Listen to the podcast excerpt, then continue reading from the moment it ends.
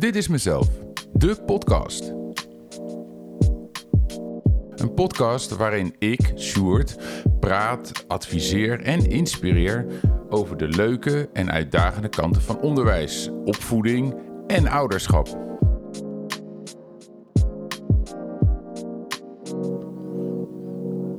Of je nou werkzaam bent in het onderwijs en ouder bent of gewoon nieuwsgierig naar de fascinerende wereld van kinderen en alles daaromheen, dan is dit de podcast voor jou. Ik deel graag inzichten, anekdotes en eigen ervaringen. En ik praat je graag bij over de laatste trends en ontwikkelingen. Yes, yes. Ehm, hallo, aflevering 6. Ik moest heel even kijken. Ehm, het gaat eigenlijk best wel snel. Ehm, aflevering 6. Voordat ik ehm, deze podcast ga beginnen, wil ik eigenlijk even een stukje reclame doen. Ehm, ik hoor het altijd in andere podcasts en ik dacht, ja, eh, moet ik dat wel doen? Maar nu ik steeds meer van podcast ga snappen en algoritmes en dat soort zaken, heb ik eigenlijk een eh, verzoek eh, aan jullie. En of jullie nou, natuurlijk alleen als je het leuk vindt. Want eh, nogmaals, je hoeft niks eh, te liken als je het niet leuk vindt. Maar zouden jullie op welke podcast-app je ook zit... of het nou Apple Podcast is, of Podbean, of Spotify... het zou mij enorm helpen als jullie ehm, mijn kanaal zouden volgen... en eh, de afleveringen zouden liken. Ik heb inmiddels begrepen dat dat... ehm, goed kan werken voor het algoritme. Ehm, dus, nou ja, dit is dan. Ik, ik weet, ik ben heel erg slecht in mezelf verkopen en, en reclame maken. Dus dit is alweer een enorme stap. Ik voel het schaamrood bijna wel op elkaar. Ik moet, dat is mijn leerpunt. Dus ehm, ja, klik op die volgknop.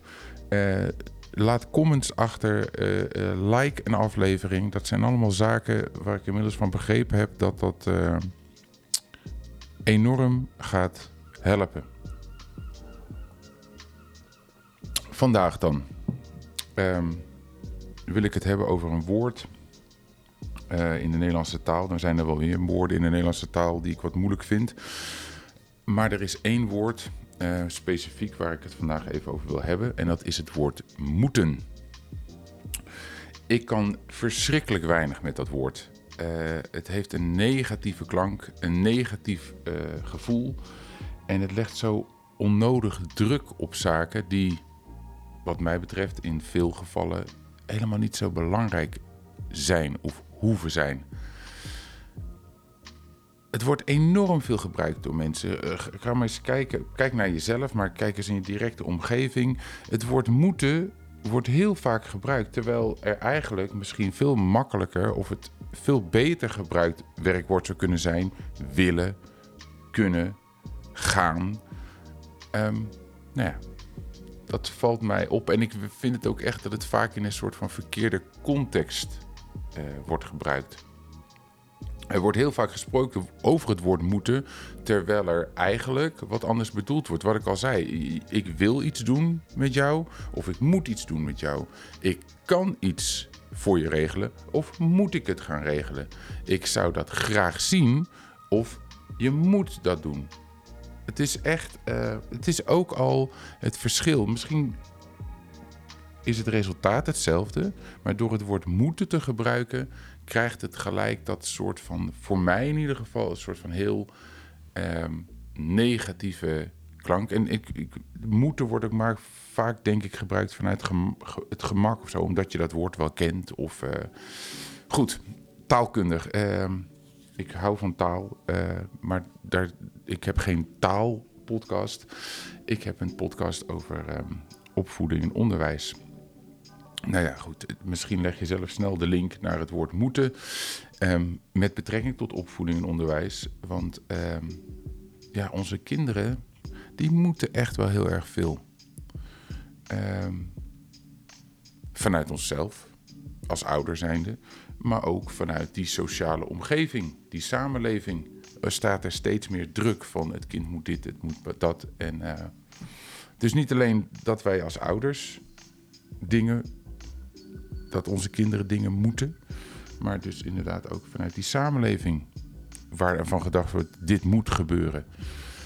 Ehm, ja, die druk, die, eh, die, die is er. Daar heb ik het natuurlijk in een eerdere podcast ook al eens over gehad.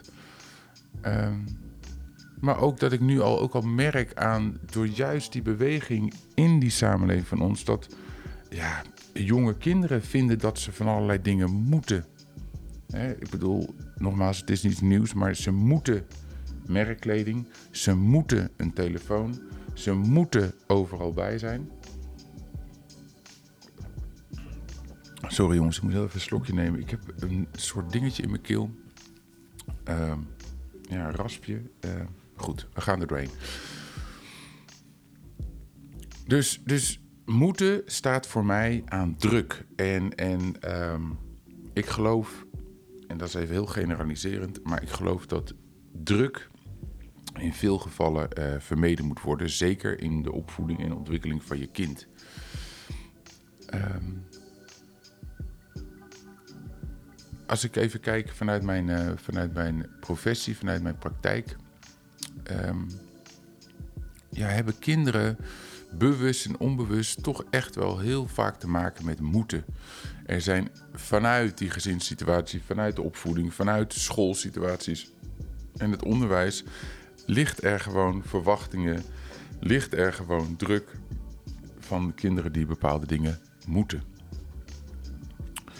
Nou, om wat, wat verder in te gaan op uh, die druk, op dat moeten, heb ik het even in twee uh, uh, soorten druk, om het maar zo even te noemen, uit elkaar gezet. en laat ik beginnen met, met nou ja, waar volgens mij iedereen in zijn leven mee te maken heeft gehad of nog mee te maken heeft, is, is die sociale druk of groepsdruk.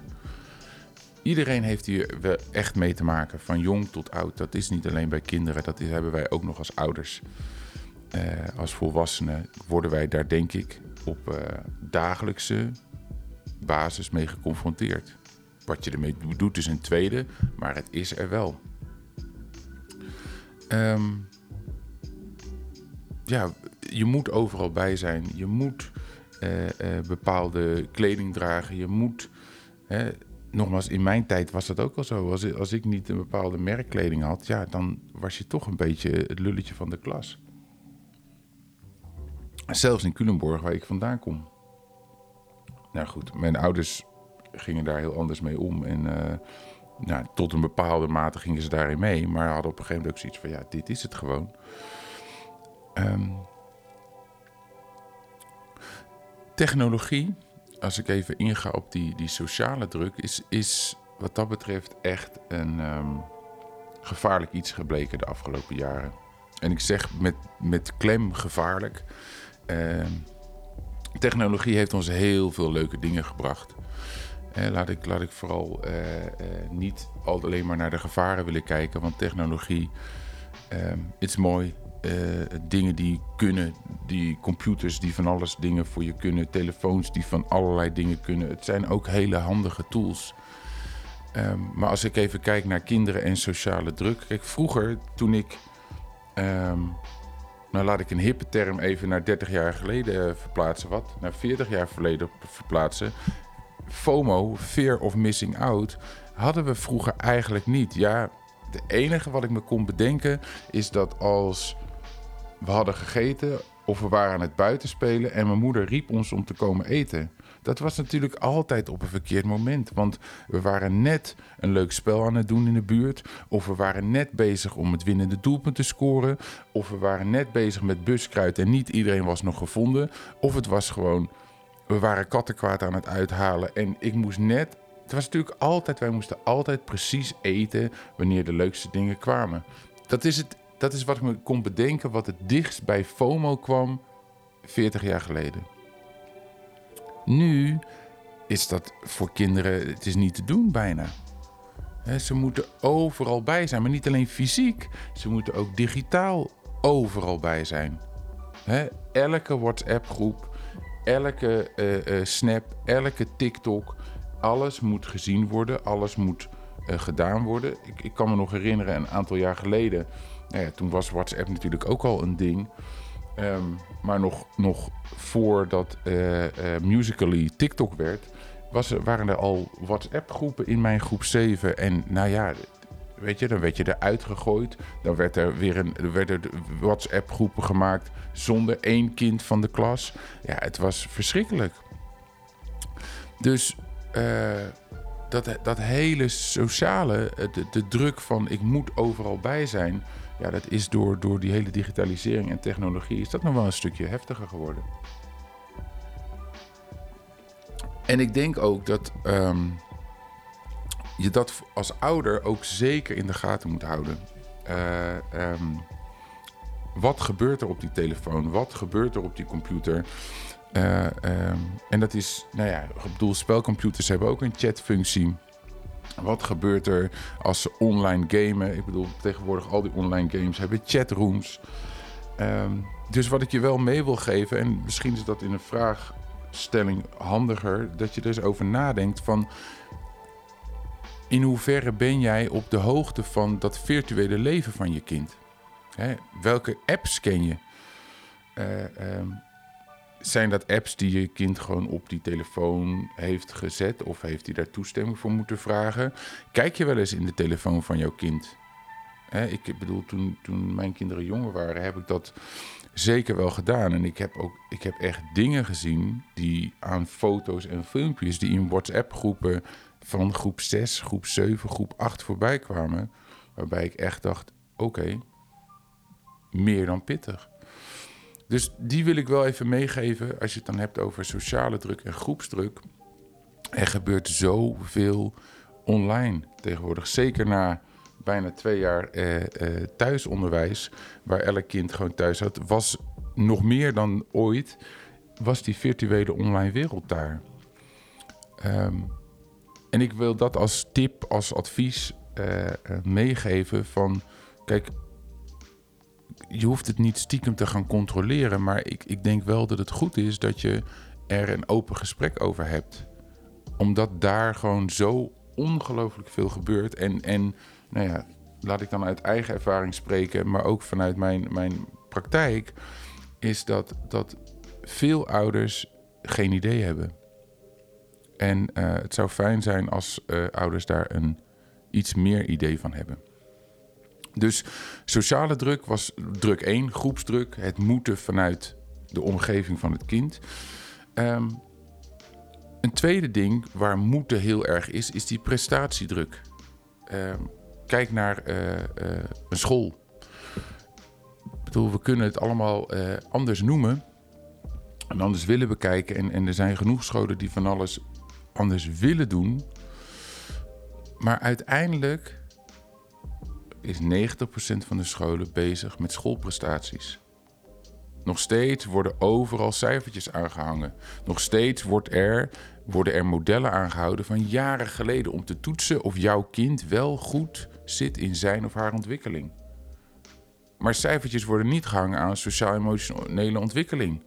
Hoe scoort je kind in een groep? Hoe scoort je kind in hoe kom je op voor jezelf? Hoe scoort je kind in zelfvertrouwen? Die dingen, die zaken zijn nog steeds allemaal enorm ondergeschikt. Um, CITO. Hè? Ik bedoel, sommige kinderen, zelfs ouders, schieten gelijk in de stress als het woord CITO voorbij komt. Het is een soort van angstgegner voor ouders, voor kinderen. Um, een paar jaar geleden werkte CITO met uh, de slogan zeker weten of zeker weten. Maar mijn vraag was gelijk, maar wat weet je dan zeker? Als een kind CITO-toetsen heeft gemaakt, waar zoveel druk op staat, waar zoveel angst voor is, wat weet het kind dan? Dat, dat hij heeft ondergepresteerd vanuit angst, dat hij uh, niet zijn full potential heeft kunnen laten zien vanuit zelfvertrouwen. Um, dat hij niet alles heeft kunnen maken omdat papa en mama al twee weken erop hameren dat dit het belangrijkste ding is van het jaar. Dus wat weet je dan zeker? In mijn optiek niet zo heel veel. In CITO wordt er namelijk alleen een bepaalde leerlijn bekeken, wat ik al zei, vanuit oudere modellen. die al jaren eh, niet meer veranderd zijn. Dus CITO brengt ook helemaal niks in kaart over ontwikkeling op sociale en emotionele vaardigheden. Niet dat ik denk dat dat ook te, te meten moet zijn, maar er zou in ieder geval meer aandacht voor kunnen zijn. Goed, voordat ik te veel afdwaal over CITO, scholen, um, Note to Self, ik moet daar even een aparte aflevering over maken. Dus die krijgen jullie nog. Even terug naar die school. Ehm, hoe sociaal een school ook lijkt. Een school is uiteindelijk ook gewoon een bedrijf. Een school wordt uiteindelijk afgerekend ehm, op de resultaten. Dat is wat het is. Dus uh, hoe meer VWO-klantjes je aflevert als basisschool, hoe beter je erop staat bij de inspectie, bij de uh, buurt. Want daar wordt toch naar gevraagd van, joh, wat was het percentage VWO?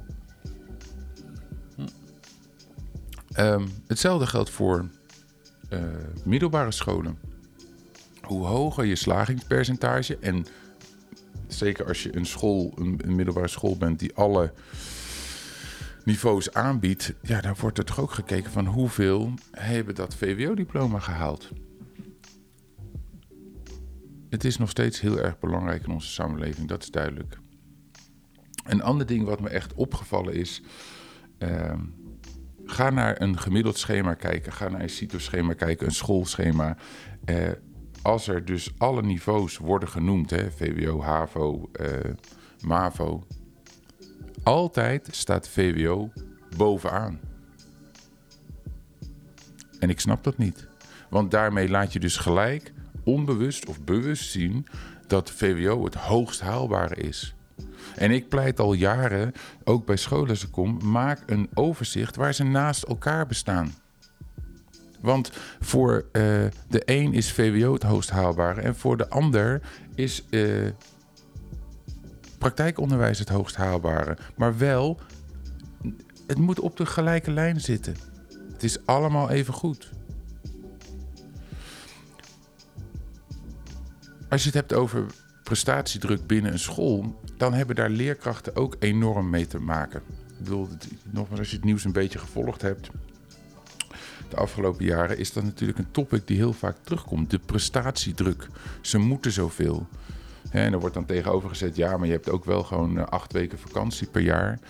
Maar die prestatiedruk bedoel ik niet. Het gaat over het feit dat schooldirecteuren, en ik chargeer een beetje, maar die hameren bij leerkrachten op resultaat. Kinderen die er buiten vallen, proberen we waar we kunnen te helpen.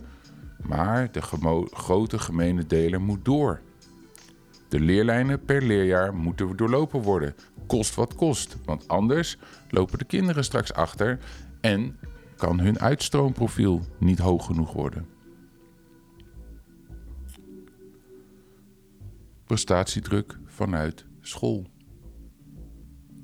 Dan is natuurlijk ook nog de prestatiedruk vanuit thuis.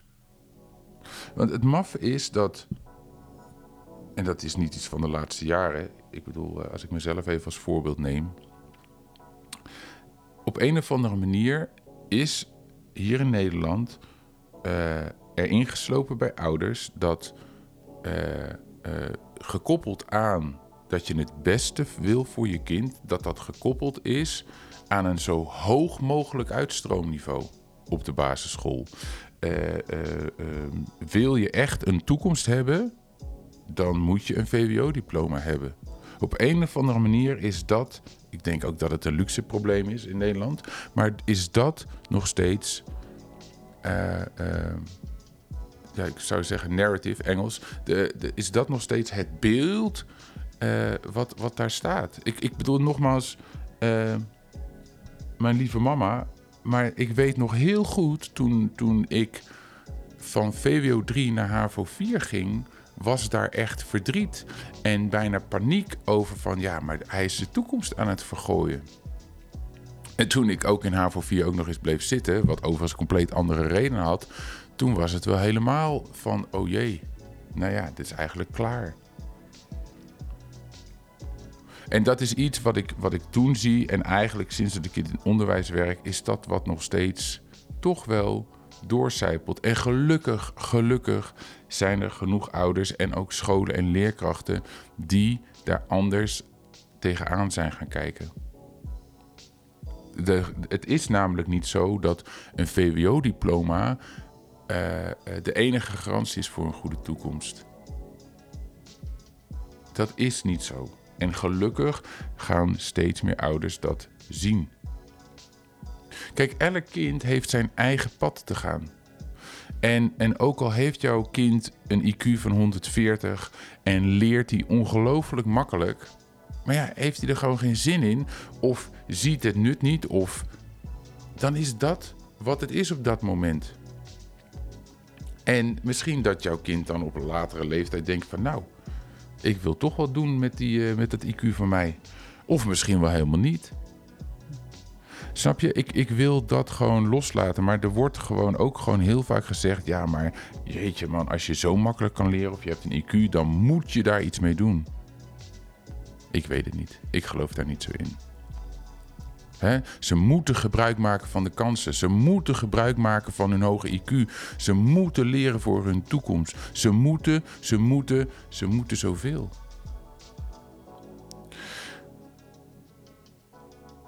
En daar blijft het vaak niet bij.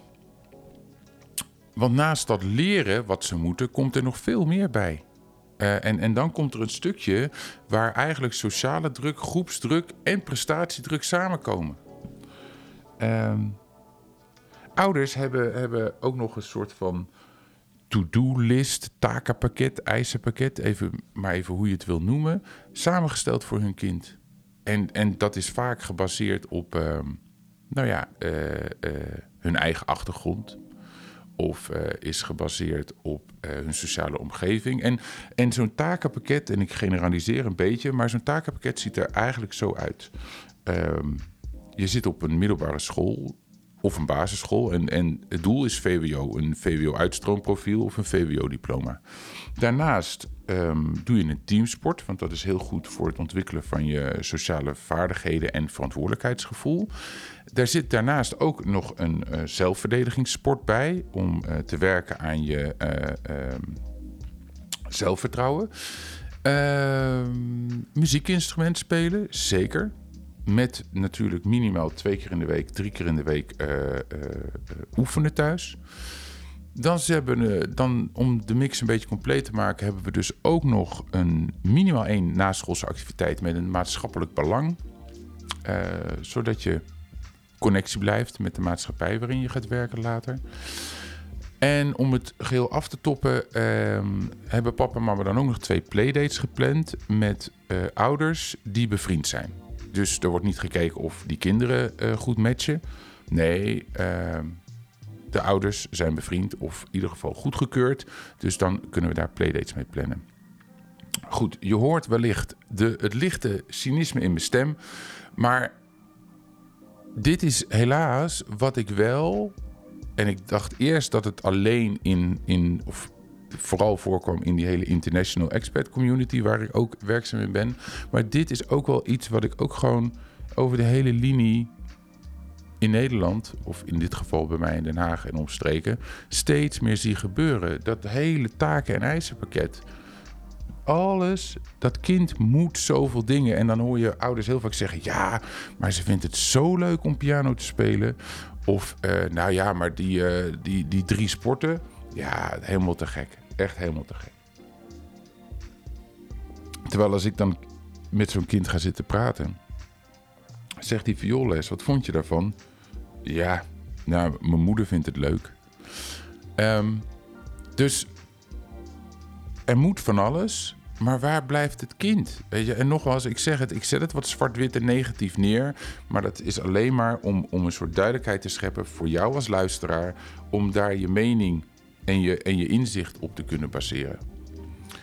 Um, er zijn natuurlijk zijn er genoeg ouders die wel in alle oprechtheid en toegewijde aandacht met de kinderen bezig zijn. Maar die tendens van dat hele plan en dat hele ijzerpakket wordt gewoon steeds groter. Um,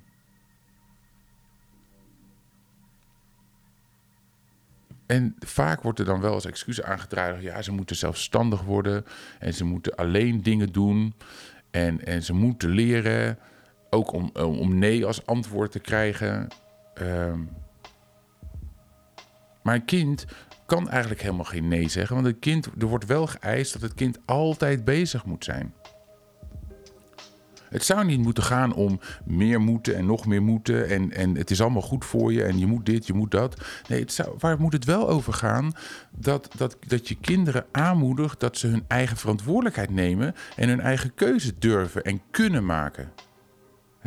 Hoe meer dingen een kind moet, des te kleiner de ontwikkelingsruimte wordt van het kind. Er moet zoveel geleerd worden. Maar omdat het allemaal moet, wordt er eigenlijk alleen maar minder geleerd alles zit zo dicht in een soort van ja, vastgesteld stramien. Er is minder ruimte voor zelfontplooiing. Er is minder ruimte voor persoonlijke ontwikkeling en het ontwikkelen van een ruimte voor creativiteit. Er is ook geen ruimte om een zelfoplossend vermogen te ontwikkelen, want simpelweg er is geen tijd om überhaupt na te denken. En dat zijn juist de dingen Waar ik van vind dat je als ouder zou moeten willen dat er ruimte voor is. Dat er ruimte is dat een kind kan zelf ontplooien, kan kiezen, eigen keuzes kan maken. En dan ontstaat die persoonlijke ontwikkeling. Dus om deze podcast af te sluiten, denk daar deze week gewoon eens over na. Jeetje man, wat moet mijn kind allemaal? En, en nogmaals, niet dat ik jou als ouder dat allemaal kwalijk neem, want sommige dingen sluipen er gewoon in. Maar het is heel goed voor je als ouder om gewoon eens een. Desnoods schrijf je het op van wat moet mijn kind allemaal in een week. En dan daarnaast te kijken van, maar welke zouden daar misschien wel vanaf kunnen? Of waar, over welke zal ik misschien eens in een gesprek moeten aangaan van, hé, hey, wat vind je hier eigenlijk van? Vind je het wel zo leuk? Of even naar retrospectief naar jezelf. Moet het kind dit omdat ik dit belangrijk vind? Goed. Um, wrap it up. We zijn klaar voor deze week. Ik denk uh, genoeg dingen om over na te denken. Vergeet niet, volg me even op mijn, uh, mijn Instagram. Ik, liggend streepje, ben, liggend streepje mezelf. Ook voor al je vragen, comments, slide in die DM. Uh, podcast.mezelf.nl voor ehm, al je vragen, opmerkingen, wensen. En uh, wat ik altijd zeg, maak plezier en tot volgende week.